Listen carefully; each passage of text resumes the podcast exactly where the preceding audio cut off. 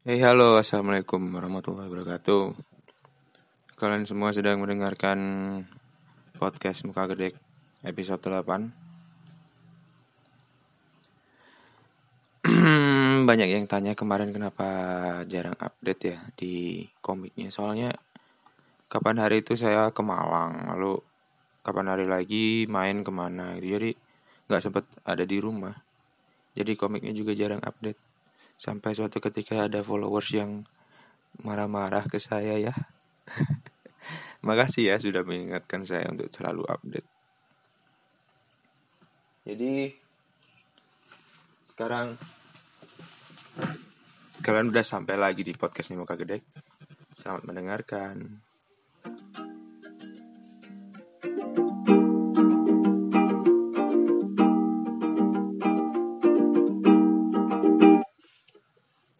Jadi ukulelenya kejauhan naruhnya.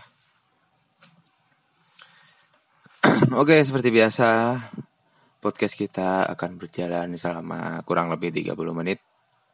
15 menit pertama kita akan membahas komik yang sudah ditulis di sudah ditulis dan digambar di Instagram. Komiknya yang muka gede yang berjudul katanya memuncak. Lalu 15 menit kemudian kita bahas pertanyaan dari pembaca. Oke, sekarang kita udah nyampe episode 23. Jadi di episode 23 ini menceritakan bagaimana proses pengambilan air di tempat namanya sumber mani. Jadi untuk informasi ya bagi kalian yang nggak tahu, jadi sumber mani ini nggak nggak searah dengan jalur mau ke puncak ke Semeru ya. Itu kan tempatnya di di mana itu? Di Kalimati. Nah kita harus nyelentang gitu nyelentang jauh gitu ke tempatnya si sumber mani. Sekitar itu sekilo lebih ya.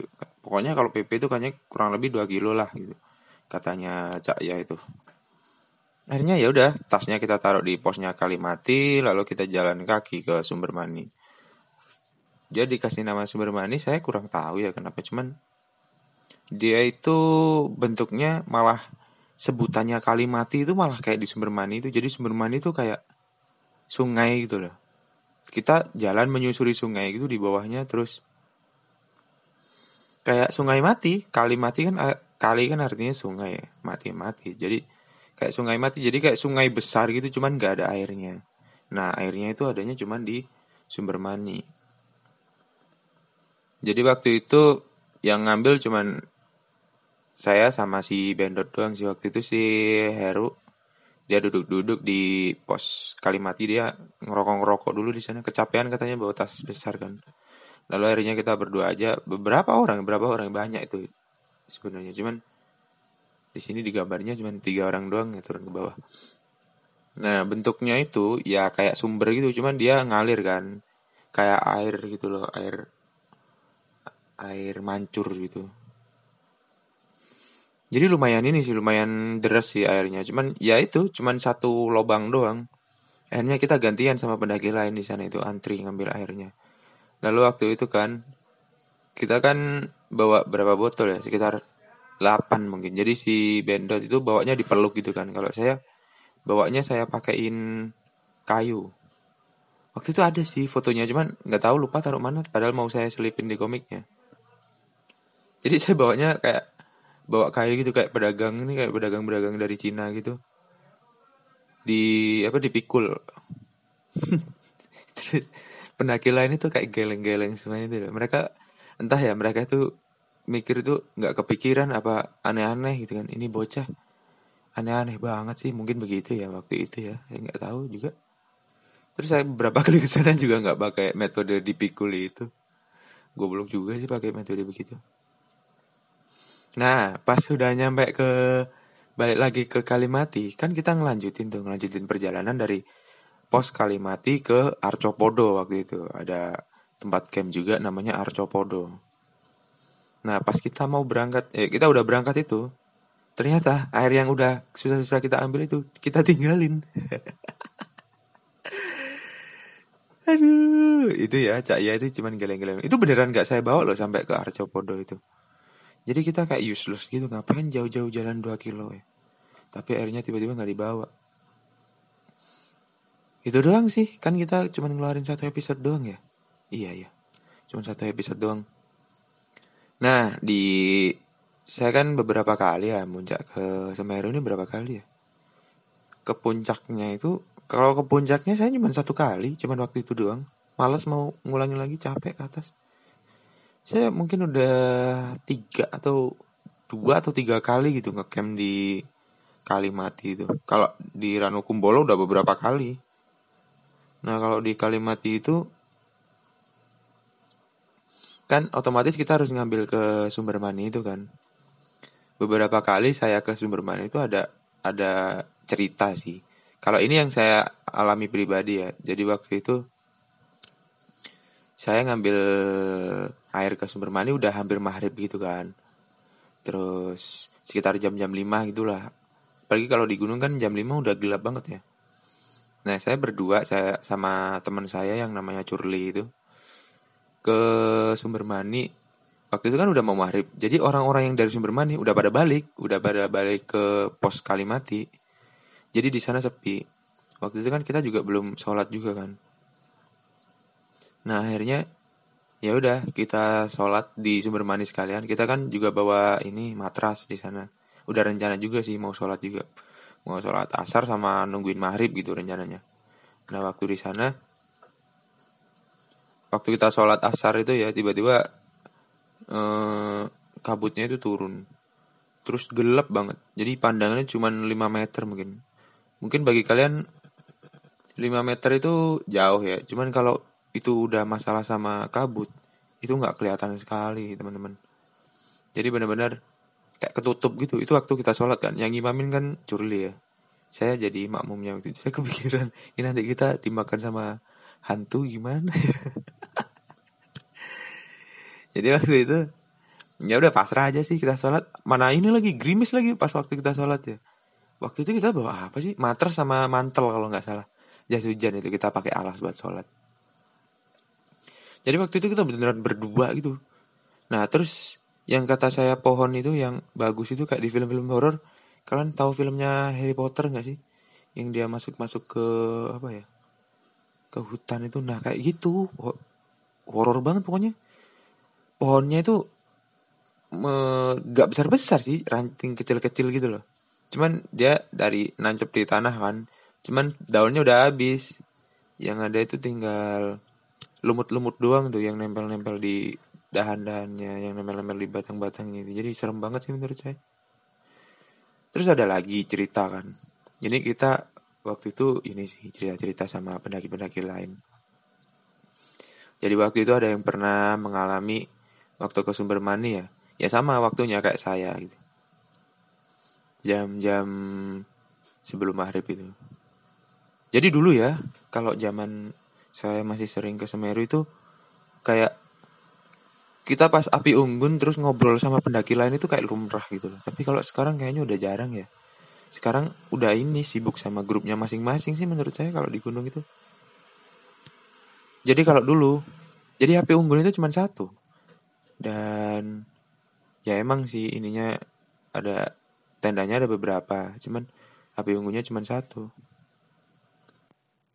Nah kemudian kita ngobrol-ngobrol kan. Dari sini deh saya tahu cerita-cerita horor di sana gitu. Waktu itu ada orang ngambil air ke sumber mani. Lalu tiba-tiba pas dia mau balik mau pulang ke Kalimati lagi di tengah jalan itu dia dicegat sama kura-kura. Kura-kuranya besar banget. Di tengah jalan gitu kura-kuranya. Jadi dia gambarinnya tuh kayak mobil gitu. Mobil besar gitu kan sebesar mobil kok mobil besar. Sebesar mobil. Sebesar mobil gitu dua katanya kura-kuranya. Diem aja gitu kura-kuranya. Jadi dia itu nungguin sampai kura-kuranya pergi. Lalu nggak lama kemudian mungkin sekitar 10 menitan ya 10 menit kalau nungguin begitu tuh rasanya lama teman-teman. Jadi si kura-kuranya saya kok merinding ya saya di rumah ini sendirian ini. Terus kura-kuranya pergi deh. Ya jalan gitu kluk kluk kluk kluk gitu. Ya kayak kura-kura pada umumnya gitu. Cuman saya bilang nanya ke dia emang benar kura-kura mas? Iya kura-kura besar gitu. Dia diem aja gitu. Diem aja gak ngapa-ngapain. Iya nggak ngapa-ngapain diem aja. Oh. Serem banget ya. Ada kura-kura raksasa. Terus kalau saya saya pribadi kan itu kan waktu di Sumberman itu horornya itu sih. Terus horornya yang kedua itu saya pernah ya jalan sama waktu itu rombongan di saya sama teman-teman itu. Biasanya kan sumber mani cuma berdua bertiga. Waktu itu saya sama junior junior saya kalau nggak salah waktu. Jadi rame-rame ke sana berlima siang-siang lagi jam 2 jam 2 atau jam 3 gitu. Kita jalan kaki lalu tiba-tiba ada bau busuk menyengat gitu. Kita kan bingung ya. Kita nyari ke kanan kiri gitu. Ini bau apaan sih gitu? Baunya ngikutin gitu. Dari waktu kita baru turun ke sumber maninya sampai nyampe ke sumber airnya itu baunya masih ada gitu. Terus kita nyariin kan baunya. Terus ya udahlah biarin aja bau busuk ini. Terus mereka kan ngambil air kan. Nah di sumber mani itu ada kayak pohon roboh gitu loh. Nggak saya gambar nih lupa di dekat air mancurnya itu sumber airnya itu ada pohon besar roboh gitu. Nah itu pohon biasanya buat duduk-duduk gitu kan. Sambil nungguin orang antri gitu Nah saya naik tuh ke atas pohon itu. Pas naik, kok baunya makin busuk ya. Bau apaan nih ini? Terus habis itu udah mulai rada-rada merinding itu. Pas saya lihat, saya beneran merinding dong. Ternyata ada pup. ada ee besar gitu nempel di sandal saya. Buset, butuh begitu ya nempel di sandal saya kurang ngajar itu. Orang sesumber mani ketawa semua tuh. Saya kan itu naik ke pohon ya pohonnya kan roboh miring gitu loh. Roboh jatuh ke bawah gitu kan kan sumber mani kayak sungai gitu kan. Nah itu kayak roboh gitu rubuh ke bawah gitu jadi bisa didudukin gitu kan. Nah itu akarnya di atas kan sumber maninya di bawah. Nah saya manjat sampai atasnya itu terus duduk-duduk di atas gitu kan. Buset tae waktu itu saya bilang gitu kan tai opo mas? kata kata junior junior adik kelasku itu. Kotoran apa mas? Nih lihat sandalku nih. Buset ada ee manusia besar banget nempel di sepatu saya ya. Eh sandal ding sandal gunung waktu itu. Jadi kenapa ee itu nggak hancur waktu saya jalan? Kan di sana konturnya kan pasir kan. Jadi ya itu dia itu terlindungi oleh partikel-partikel pasir itu dia nempel di sandal saya mana nggak boleh dicuci di sumber mani lagi? Jadi saya ngambil air saya cuci di tempat lain. Saya ambil air ya cuci di tempat lain ya ampun gitu. Mana dingin ya? Airnya gunung kan dingin banget. Berarti kan sandal saya basah jadinya dingin. Kurang ajar banget itu. Makanya saya itu sebel tahu sama orang-orang yang ee -e sebarangan itu. Beberapa kali saya kayak begitu. Ini kalau ada yang sedang makan maaf ya. Lalu pengalaman berikutnya di Kalimati itu jadi saya pernah hmm, naik ke kayaknya waktu ini deh waktu masih sama adik kelas adik kelas saya ini sama junior junior saya ini. Jadi waktu itu berapa ya yang di Kalimati? Mungkin cuman 8 tenda mungkin kalau nggak salah. Iya kayaknya 8 tenda gitu. Jadi itu posisinya sepi ya. Jadi sebelum kita berangkat ke muncak. Jadi kan kita berdiriin tendanya di Kalimati buat muncak ke Semerunya. Nah, kita semua yang ada di tenda di Kalimati itu kita bareng-bareng membuat lingkaran gitu kan, terus berdoa buat keselamatan. Nah, waktu itu saya nggak ikut. Ada adik kelas saya cewek nggak ikut. Dia sakit gitu kan. Jadi otomatis kita tidur di Kalimati, sedangkan yang lain muncak ke Semeru kan.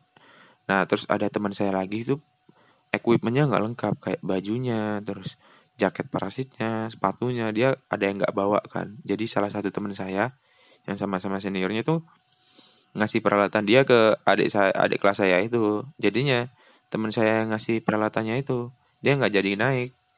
Nah berarti tiga orang kita berada di Kalimati. Ketika mereka udah pergi kita cuma bertiga doang itu di hamparan Kalimati yang besar itu kita bertiga. Waktu itu kita berdiriin tenda di dalam ini sih di dalam pos kali matinya. Karena anginnya kenceng ya waktu itu ya. Jadi kita berdiriin tenda di dalam pos di dalam rumahnya itu kita berdiriin tenda. Nah zaman segitu ya posnya itu masih jelek gitu loh. Masih pintunya masih dari apa? Seng kalian tahu seng gak sih? Itulah pokoknya pintu besi itu loh yang kayak dari genteng itu loh. Seng gembreng apalah itulah pokoknya lah dari itu lalu apa karena saking kencengnya anginnya itu atapnya itu sampai ke bawah-bawah angin gitu loh. Nah atapnya juga dari seng juga dari genteng yang dari besi itu. Nah dimulailah eh, pengalamannya. Waktu itu angin bener-bener kayak angin ribut gitu loh. Suaranya itu kayak gini. Gitu kan nah lalu kita kan bertiga di di dalam tenda. Di bangunan itu kita juga sendirian. Kan bangunan itu ada empat empat ruangan ya. Nah empat ruangan itu ada tendanya semua cuman nggak ada orangnya semua. Nah terus tiba-tiba ada kayak suara ini loh. Apa? Botol aqua. Jadi saya itu ingat waktu kita ngobrol-ngobrol di depan api unggun itu botol aqua itu ada yang saya gepengin terus saya pakai buat alas duduk jadi duduk deh kita di situ. Nah terus pas malam si botol itu kayak di di kesrek-kesrekin gitu loh di depan pintu bangunan itu. Kan pintu bangunannya kan dari semen ya? Eh pintu bangunannya. Kan ada terasnya itu kan? Terasnya kan dari semen kan? Bukan dari pasir kan? Nah kayak dikesrek-kesrekin gitu loh kayak sengaja gitu. Serak serak serak serak serak sekarang pikiran saya kalau angin kan misalkan angin ya udah pergi kan. Nah itu suaranya kok masih di depan tenda kita gitu ya udahlah. Waktu itu dua orang teman saya udah tidur. Nggak tahu deh mereka tidur apa cuman pura-pura merem ya. Cuman waktu itu kita udah tidur di sleeping bag masing-masing. Nah suara yang berikutnya ini itu kayak biasanya. Suara kayak langkah kaki di gunung itu loh. Pakai boot besar gitu kan suaranya kedenger kan. Jeluk jeluk jeluk jeluk jeluk jeluk jeluk. Nah itu suaranya itu kayak muterin muterin si bangunan itu ya pos kalimatinya itu. Dia kayak muterin gitu. Kayak orang lagi nyariin sesuatu gitu. Lagi muter muter. Suaranya kan kedengeran kan. Terus pas udah di depan pintu kita suaranya itu diem di situ. Nggak diem hilang. Diem langkahnya ada. Jeluk jeluk jeluk jeluk jeluk. Dia kayak jalan di tempat itu loh. Uh saya merinding teman-teman. Dia jalan di tempat di depan di depan pintu ruangan kita itu yang kita berdiriin tenda di dalamnya. Terus tiba-tiba hilang lagi udah gitu-gitu terus sampai pagi akhirnya Kemudian yang paling terakhir itu suara ini kan kalian tahu genteng yang dari seng nggak sih? Yang dari besi itu nggak sih? Kan berisik banget ya. Sampai yang terakhir itu nggak tahu ya itu suara dari suara pintu atau dari suara atap itu kayak dibanting gitu. Wang rompiang rompang gitu. Akhirnya kita bertiga bangun terus kita gini mending kita bakar sesuatu deh gitu. Akhirnya kita ngobrol-ngobrol deh sampai pagi nggak ada yang tidur. Kita bakar apa ya waktu itu? Sosis. Kita kan nggak boleh ya buka kompor di dalam tenda. Kompor gas kan waktu itu kan. Kan dilarang kan buka kompor di dalam tenda. Nah waktu itu bodo amat deh kita bakar bakar sosis di dalam tenda waktu itu. Saking takutnya. Terus kita bertiga nggak ada yang cerita gitu apa yang kita dengerin gitu. Kita ceritanya pas sudah turun pas pas sudah di sekolah gitu jadi kita cerita cerita gitu. Saya kira cuma saya doang yang denger loh. Iya saya kira juga saya doang gitu. Kita bertiga heboh gitu. Tapi alhamdulillah nggak ada apa-apa sih cuman gitu-gitu doang. Nah itu tadi pengalaman saya di pos Kalimati. Sebenarnya banyak sih. Cuman ya paling kan yang lain cuma kayak salah lihat salah denger gitu. Cuman yang paling nyata ya itu sih yang ada suara sepatu itu kayak ada kayak emang suara orang cuman dia kok nggak nanya gitu, woi kok nggak gitu atau ada orang nggak nggak nggak nanya kayak gitu juga gitu. Gak tau lah, ya gak apa, yang penting nggak nggak ganggu apa-apa. oh ya, sekarang kita udah masuk ke sesi tanya jawab. Oh ya, teman-temanku, sahabat-sahabatku, maaf ya kemarin itu sesi tanyanya yang di question itu yang di Instagram tiba-tiba hilang. Lupa saya screenshot. Jadi ada beberapa pertanyaan yang lupa saya. Pertanyaannya apa? Dan yang ke capture cuma tiga orang doang nih yang udah nanya terakhir-terakhir ini. Ya udahlah ya jawab yang ada aja ya. Kalian kalau ada pertanyaan lagi DM aja langsung. Nggak usah lewat question itulah kelama apa? Takut hilang lagi. Ini yang kebaca aja ya. Oh nggak usah disebutin. Namanya nggak usah disebutin. No name min rekomendasi dong. Buat film yang temanya muncak-muncak kayak gitu. Uh, kalau kalian pasti nontonnya ini ya, apa sih? 5 cm ya. Saya ya jujur dari awal film itu muncul sampai sekarang saya belum nonton loh. Jadi saya nggak tahu filmnya kayak mana. Katanya kan jelek, dibuat-buat. Ada yang bilang bagus, ada yang bilang bikin terinspirasi jadi naik gunung gitu kan. Cuman saya nggak tahu sih. Mungkin itu, mungkin kamu bisa nonton film 5 cm itu kata temanku sih seneng-seneng doang isinya gara-gara film itu banyak yang ini sih katanya ya katanya film itu tuh cuman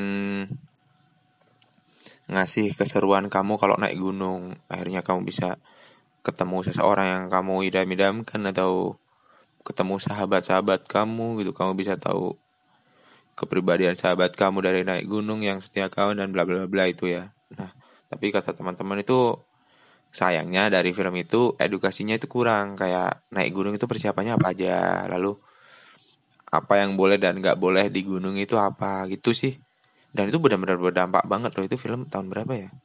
Tahun 2014 ya? Eh enggak nih 2013 ya. Terus setelah film itu pendakian di Semeru itu langsung rame tau. Terus makin banyak sampah di sana. Nggak tahu deh saya nggak mau nyala nyalain lagi capek saya itu. Nyala-nyalain pendaki zaman sekarang itu.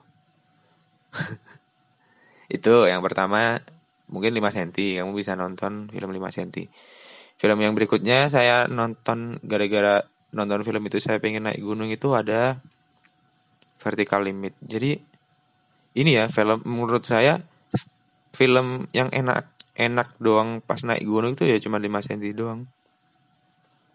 Film berikutnya ada vertical limit. Itu SD saya nonton. Yang ini loh yang apa soundtracknya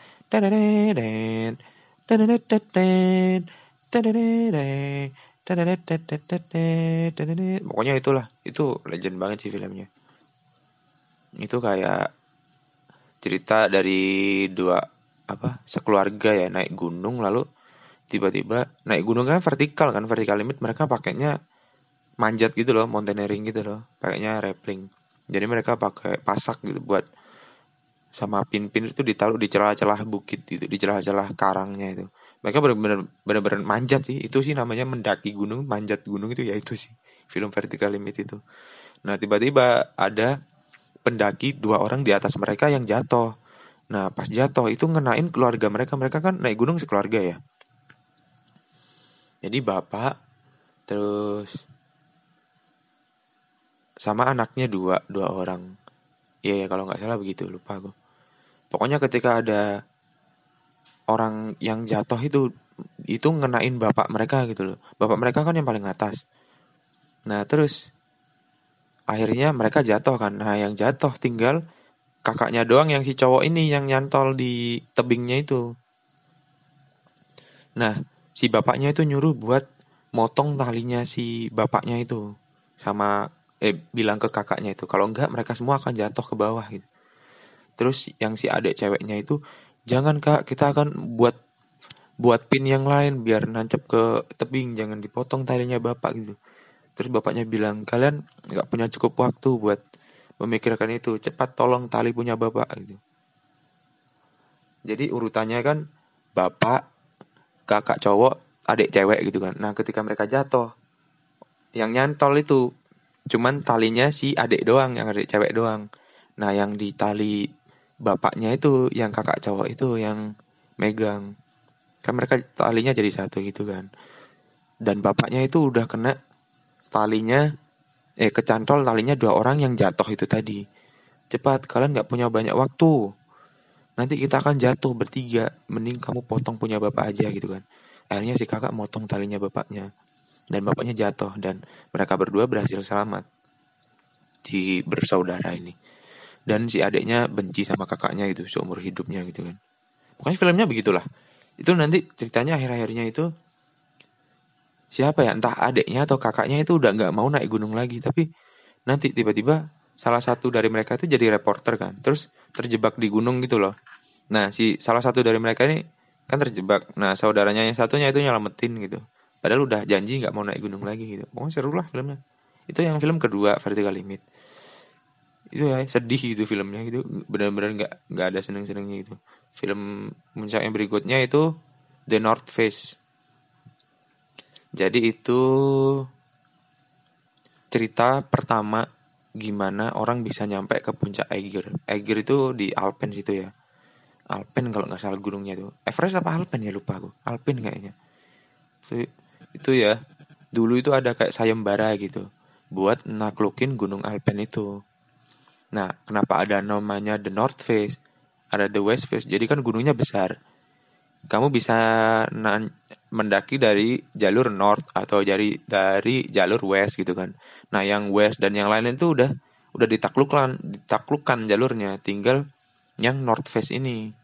Nah, ada dua orang kakak beradik yang seneng banget gitu naik gunung. Waktu itu dia naik gunung yang ke West Face itu jalur west itu jalur barat itu mereka seneng banget kayak ini kayak jogging tau mereka itu di film itu ya.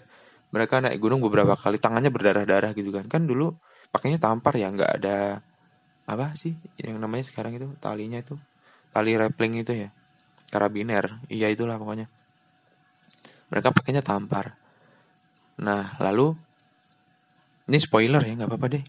Kan kamu minta rekomendasi Pokoknya filmnya itu tentang mereka berdua kakak beradik ini, kakak beradik apa bersahabat ya lupa saya.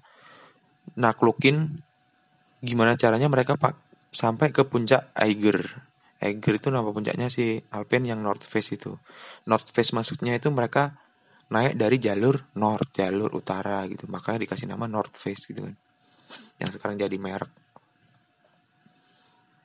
Nah, di sana nanti mereka kayak sayembara gitu si pemerintahnya siap barang siapa yang bisa nentuin ya bisa bikin jalur yang paling bagus buat nanjak ke Northwest nanti kalian dapat uang dan bla bla bla bla gitu. Nanti ada cinta cintanya juga ceritanya itu.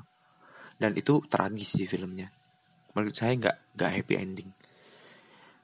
Ya nggak apa-apa deh buat kamu yang terinspirasi dari film mungkin itu bisa menghentikanmu buat naik gunung ya. Soalnya naik gunung itu nggak main-main gitu loh itu ya? Semoga menjawab. Udah tiga film yang saya haturkan. Yang pertama 5 cm lalu yang kedua ada apa tadi? Vertical limit yang ketiga the north face. Itu filmnya. Oke okay, next. Ini yang kebaca aja ya pertanyaannya. Cara makan pakai tangan. Dari Art Stuti ya udah kamu makan pakai tangan gimana sih? Ya kamu membasuh tanganmu dulu lalu dipakai sabun biar bakteri dan kuman-kumannya pergi lalu dilap pakai lap yang higienis. Kalau nggak ada lap ada gerakan tepuk 20 kali buat mengurangi penggunaan tisu. Ada tuh cari aja di internet kalau kalian habis cuci tangan ada gerakan tepuk 20 kali, tepuk tangan 20 kali supaya menghilangkan 70% air yang menempel di tangan kalian. Jadi nggak harus pakai tisu begitu. Terus habis tangannya udah bersih, kalian makan pakai tangan dengan tiga jari. Lima jari enak sih, cuman coba aja pakai tiga jari supaya lebih seru. ini apaan sih tutorial cara makan pakai tangan? Terus ada ini pertanyaannya saya ingat ya kalau nggak salah itu si Weni Weni Witasari nama Instagramnya nanya sama Agus Wahyu nanya fotonya itu di mana kapan saya bisa ke sana dan foto itu ada di mana. Itu ada di Rano Bedali di Kelakah kalian bisa ke sana naik motor gak perlu naik gunung Cuman turunnya itu kan di atas ya, turunnya jalan kaki sih lumayan jauh. Saya kemarin cuma setengah doang terus gak jadi balik lagi aja ke atas sudah sore. Di Kelakah, Lumajang, Jawa Timur kalau mau ke sana. Bisa nih minta anterin nanti bisa minta anterin muka gede ya nanti saya bikinin paket tur ke sana udah 30 menit nih apa-apa deh lanjut aja lalu pertanyaan berikutnya yang saya ingat itu dari Dwi Wainingsih yang kemarin nanya cerita orang hilang di gunung dong. Ini ya cuy. Ini kan teman saya dari kuliah ya. Saya biasa manggil dia cuy. Buat orang hilang itu saya ada narasumber sendiri sih cuy yang dia itu pernah gabung sama relawan SAR gitu loh. Yang nyari-nyari orang hilang itu dan dia tahu kenapa orang-orang itu hilang. Tapi saya bakal cerita pengalaman pribadi ya tentang bagaimana bisa hilang di gunung yang saya tahu. Sebenarnya kalau sama teman saya itu lengkap sih, cuman kalau sama saya ini yang setahu saya aja ya. Jadi waktu itu di gunung di Semeru, yang pertama di Semeru. Saya yang hilang waktu itu. Itu siang loh, jam 11 siang mungkin. Kalian ingat komik saya yang waktu itu saya bikin ini? Bikin minuman terus saya emut gitu biar kayak orang-orang itu kan. Yang saya emut di mulut itu kan di komik episode berapa ya lupa saya. Pokoknya saya pernah bikin. Lalu waktu itu kan saya bikin lagi kan. Jadi teman-teman saya itu kondisinya turun dari cemoro kandang itu. Itu teman-teman saya turun duluan. Nanti nyampe ke mau nyampe ke Kumbolo itu kan. Nah, nanti saya bilang di sebelum nyampe Kumbolo kalian tunggu aja saya di sana gitu. Saya mau bikin minuman dulu gitu kan. Nah setelah minumannya jadi otomatis saya turun sendirian. Nah waktu saya turun sendirian, saya tuh ngelihat ada item-item gitu. Di saya udah pernah cerita apa belum ya? Gak apa-apa deh cerita lagi ya. Ada item-item gitu di sebuah pohon gitu. Itu saya penasaran kan. Saya bawa golok ya. Golok itu ada di sarung, ada di saku tas saya sebelah kiri. Sebelah kanan ada payung dan tangan kanan saya udah siap-siap pegang golok itu ke tas sebelah kiri itu. Saya sambil jalan ngeliatin, saya takutnya itu babi kan. Babi hutan kan besar banget ya. Saya deketin kan. Saya deketin bentuknya awalnya ya kayak babi begitu di bawah gitu. Terus tiba-tiba dia ke atas kayak orang hutan gitu loh. Kayak si panse gitu. Ya tangannya kayak gelantungan gitu dia kayak duduk di dahan gitu terus tangannya ke atas satunya tangannya ke atas meraih dahan yang lain gitu kan terus saya deketin lagi kayak pemburu bawa pistol gitu. Terus semakin deket dia bentuknya kayak apa ya hitam-hitam doang gitu besar gitu. Terus pas udah deket banget ternyata ya apa coba? Dia cuman ini apa namanya pohon yang kena petir. Jadi kan hangus kan bentuknya kayak arang gitu kan. Pohon yang hangus kena petir gitu kayak bekas kebakar gitu oh alat cuman bekas kebakar. Nah ketika saya sadar saya udah dekat ke pohon itu saya mau balik. Itu trek saya itu hilang. Jejak kaki saya itu nggak kelihatan. Saya manggil-manggil kan teman-teman kan ataupun orang yang di sana. Woi woi gitu. Saya manggil teman-teman saya nggak ada yang dengar saya benar-benar itu kan bentuknya hutan kan. Jadi kalau di hutan itu kita nggak tahu gitu loh barat timur terus arah gunungnya, gambar gunungnya. Kan kita patokannya ke gunung ya. Gunungnya itu ada di sebelah barat gitu. Nah, kita nggak tahu barat, selatan, utara gitu nggak tahu karena ketutupan sama pohon-pohon itu tadi. Nah, terus saya panik kan bentar, lalu saya tenangin pikiran dulu. Lalu saya jalannya ini ngerendah. Jadi saya sambil ngelihatin tanaman yang udah saya injek gitu loh. Mungkin sekitar sekitar berapa ya? 20 menitan atau 15 menit lah saya tersesat itu. Terus akhirnya saya nemuin jalan yang utama, saya lari deh. Lari ke arah Kumbolo, eh Ranuregulo, eh ke Oro-Oro Ombo. Lari ke sana, di sana udah nungguin teman-teman saya itu. Eh, dipanggilin diem aja. Tadi saya itu nggak saya tadi itu tersesat tahu saya bilang gitu ke teman-teman. Loh, kita juga manggilin loh. Emang kamu nggak dengar gitu? Terus kita ya udahlah nanti aja dibahas nanti aja kita turun aja dulu gitu kita ketakutan akhirnya dibahas, dibahas di bawah itu saya manggil-manggil mereka nggak dengar mereka manggil-manggil saya juga nggak dengar ternyata kita sama-sama teriak-teriak gitu loh dan nggak ada yang dengar sama sekali gitu. Yang nggak tahu ya itu karena karena saking pekatnya hutannya atau gimana. Cuman ya udahlah yang penting saya selamat gitu kan. Nah itu waktu itu saya yang hilang sih. Jadi menurut saya ya ini saya ngolah pribadi aja ya. Saya apa prediksi sendiri ya. Jadi kabut. Kabut itu bisa loh nahan suara kalian itu. Jadi nggak kedengeran. Soalnya di peristiwa saya yang kedua ini ada hubungannya sama kabut. Nah waktu itu jadi karena saya ngelamun terus saya sendirian jadi saya kayak halusinasi kan. Saya kayak ngelihat kayak ngelihat babi hutan kayak ngelihat orang kayak ngelihat si pansel atau orang hutan gitu kan jadinya saya ngelamun dan melenceng dari jalur saya gitu. Makanya sih nggak dianjurin banget itu buat jalan sendirian di gunung itu. Seenggaknya dua orang deh jangan sendirian gitu. nah yang peristiwa yang berikutnya ini di Gunung Arjuno di Malang.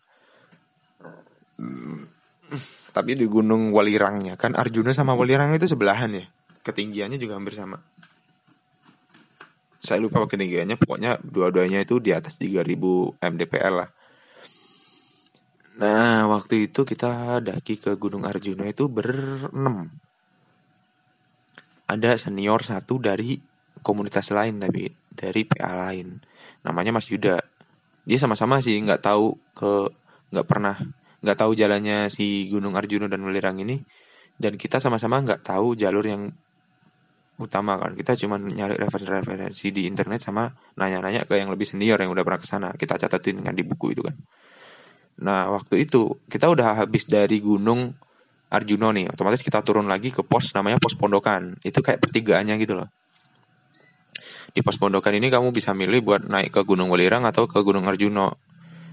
Bisa sih dari Gunung Arjuno langsung ke Gunung Welirang, cuma katanya itu jalannya susah dan orang-orang yang tersesat itu rata-rata di sana kan. Di gunung waktu mau ke Arjuno ke Welirangnya gitu. Jadi di antara Gunung Arjuno dan Gunung Welirang itu ada gunung kembar namanya, gunung kembar satu dan dua. Nah itu yang orang sering tersesat itu katanya di situ. Nah waktu itu untungnya teman kita, kita kan waktu itu mau laju kan dari Gunung Arjuno langsung ke Gunung Welirang. Padahal kita nggak pernah ada pengalaman ke sana kan. Mungkin kalau dilanjutin waktu itu kita bakal tersesat juga. Tapi waktu itu teman kita salah satu anggota kita ada yang sakit. Jadi hari itu kan waktu hari itu hari keberapa ya? Hari keempat kalau nggak salah. Hari ketiga apa keempat gitu. Habis dari Gunung Arjun Gunung Arjuno lalu kita turun ke pos pondokan lagi. Kita istirahat di situ. Besok paginya kita ke Gunung Welirang gitu kan.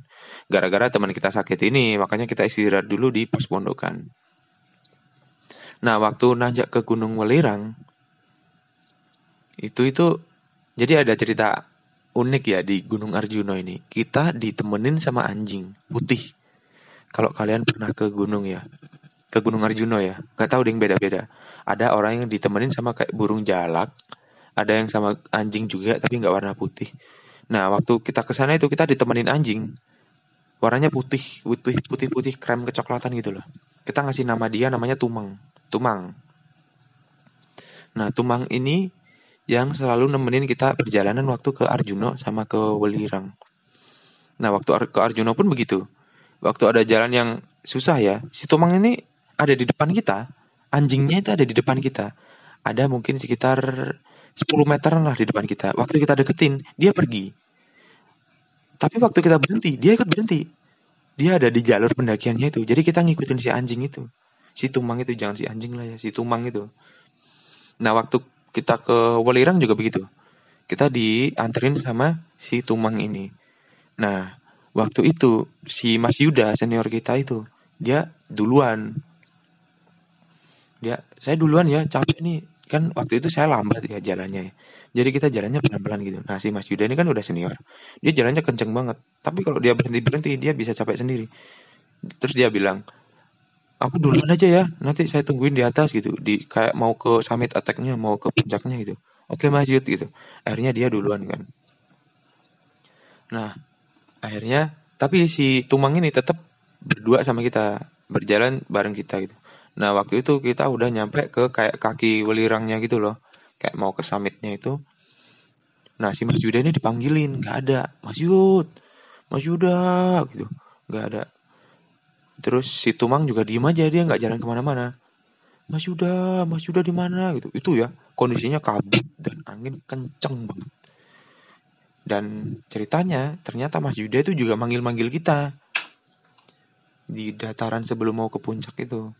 Kita nyari-nyari kan wah itu pikiran saya udah jelek banget itu. Si Mas Yuda ke mana ya? Masa hilang? Masa kita ke bawah nyari sar? Gimana nih? Gimana nih? Gitu kan. Itu benar-benar hilang. Kita waktu itu nyarinya lumayan lama sekitar sejam.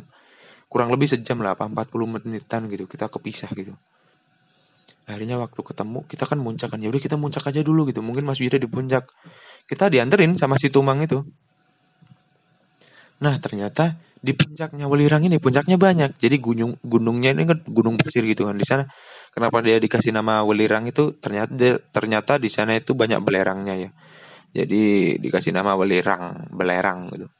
Di sana juga ada orang-orang ini sih orang-orang penambang gitu. Tapi waktu itu sedang nggak ada orangnya. Nah jadi gundukan gundukan gunungnya yang buat jadi puncaknya itu banyak nah waktu itu kita kan bawa headlamp ya. Kita nyalain semua headlampnya. Kita dengar tiba-tiba dengar suaranya Mas Yuda. Mas Yud kamu di mana? Aku di sini gitu. Cuman kita nggak bisa deteksi dia itu di mana. Kita nggak tahu arah barat dan timur itu di mana.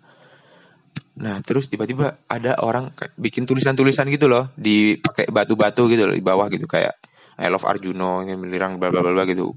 Kepala apa genesi pala apa apa gitulah. Pokoknya mereka nulis pakai batu yang disusun gitu kan Mas Yuda ada di mana? Udah ngelewatin batu yang ditulis-tulis itu belum? oh iya iya aku barusan lewat sana gitu balik ke sini aja Mas Yud gitu nah waktu itu Tumang nganterin ke bawah ke tulisan itu si anjingnya itu nganterin kita ke tulisan yang ada tulisan orang-orang bikin tulisan pakai batu itu kan Nah, waktu ke situ baru udah kita ketemu sama Mas Yuda. Buset itu haru terharu banget tau. Itu sumpah serem banget.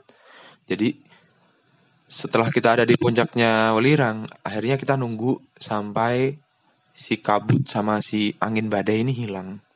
Nah setelah hilang baru deh kita turun. Nah waktu itu kita juga dianterin sama si Tumang lagi. Ketika badainya hilang, Tumangnya udah balik lagi ke kita. Sampai kita dianterin sampai ke pondokan. Ketika kita, kita udah sampai pos pondokan, si Tumangnya pergi. Keren ya. Kita kayak dibantuin gitu loh sama dia. Nah itu sih, itu pengalaman pribadi sih. Kalau saya nyari orang hilang jarang sih ya, nggak pernah ikut. Waktu itu bayangkan orang hilang dan pas lagi aktif-aktifnya SAR di Lumajang itu waktu saya di Semarang ya. Jadi nggak bisa ikut. Itu sih cuy cerita yang pernah saya alami. Mungkin next time yang saya sama teman saya itu bakal lebih kompleks ya. Saya bakal eh teman saya itu bakal jelasin kenapa orang itu bisa hilang di gunung. Terus kalau hilang mereka itu survivalnya gimana, cara mereka bertahan hidupnya, terus cara mereka mencari jalur supaya bisa ketemu sama relawannya gitu. Mungkin itu ada bakal ada di segmen wawancara berikutnya. Oke, terima kasih buat yang udah dengerin sampai sini. Terima kasih juga buat yang udah ngefollow komennya mau kedek dan bukan terima kasih banyak lah udah ngikutin kita sampai sampai saat ini ya. Kalau podcast ini berguna buat teman-teman, kalian bisa share podcast ini atau kalian bisa kasih tahu teman kalian yang butuh sama informasi di podcast ini atau mungkin butuh gambaran buat pendakian, kalian bisa rekomenin komiknya katanya mau muncak punya muka kedek ya supaya orang itu bisa ada gambaran muncak itu kayak mana sih gitu. Terima kasih buat dengerin sampai sini. Saya pamit dulu ya. Assalamualaikum. Om Swastiastu, salam sejahtera buat kita semua. Bye-bye.